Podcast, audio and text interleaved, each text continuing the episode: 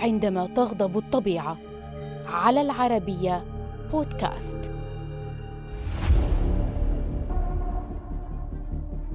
إنها إحدى أكثر الكوارث الطبيعية فتكا ودموية في تاريخ الولايات المتحدة.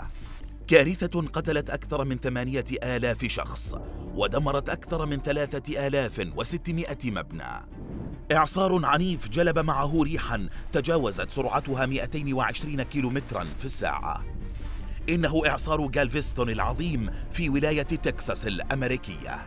في ليلة الثامن من سبتمبر من العام 1900 وكان أهالي مدينة جالفيستون البالغ عددهم قرابة أربعين ألف نسمة معتادين على حدوث العواصف والأعاصير ونجوا من الكثير من العواصف سابقاً.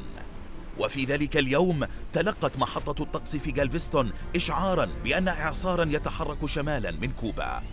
وكان الأهالي يرون السحب في السماء وهي تتراكم دون أن يستوعبوا أنها بمثابة وحش قادم إليهم. ولم تكن لديهم فكرة عن أن هذا اليوم سيكون يومهم الأخير في مدينتهم. فبعد ظهر ذلك اليوم بدأت معالم العاصفة وما أن دخلت ساعات المساء حتى كشر الإعصار عن أنيابه وضرب المدينة. كانت عاصفة من الفئة الرابعة بحسب المقاييس الحديثة. فدفعت بالمياه إلى ارتفاع خمسة عشر قدما في مدينة يبلغ أعلى ارتفاع فيها سبعة أو ثمانية أقدام. أمطار غزيرة وفيضانات استمرت ثماني عشرة ساعة متواصلة. غمرت المياه المحمولة بالرياح كل شيء في مدينة جالفيستون واجتاحت موجات المد والجزر الشوارع ودمرت المنازل والمباني وقضت على بنية الكهرباء والطرق وأنظمة الاتصالات.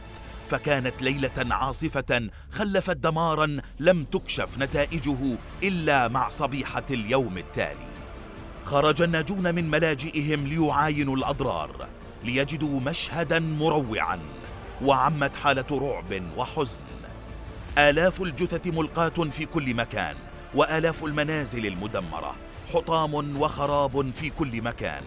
لم يتبقى سوى عدد قليل من المباني في مدينتهم جالفيستون.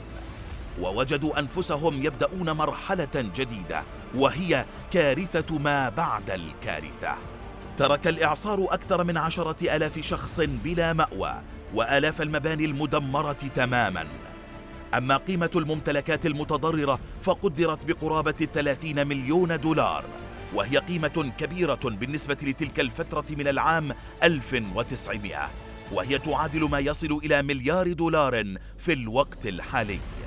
ربما لن يعرف العدد الصحيح لأولئك الذين لقوا حتفهم. فهناك عائلات بأكملها مفقودة ولم يبقى منهم من يتذكر تلك الكارثة. ويروي عن غضبة للطبيعة اسمها إعصار جالفستون العظيم.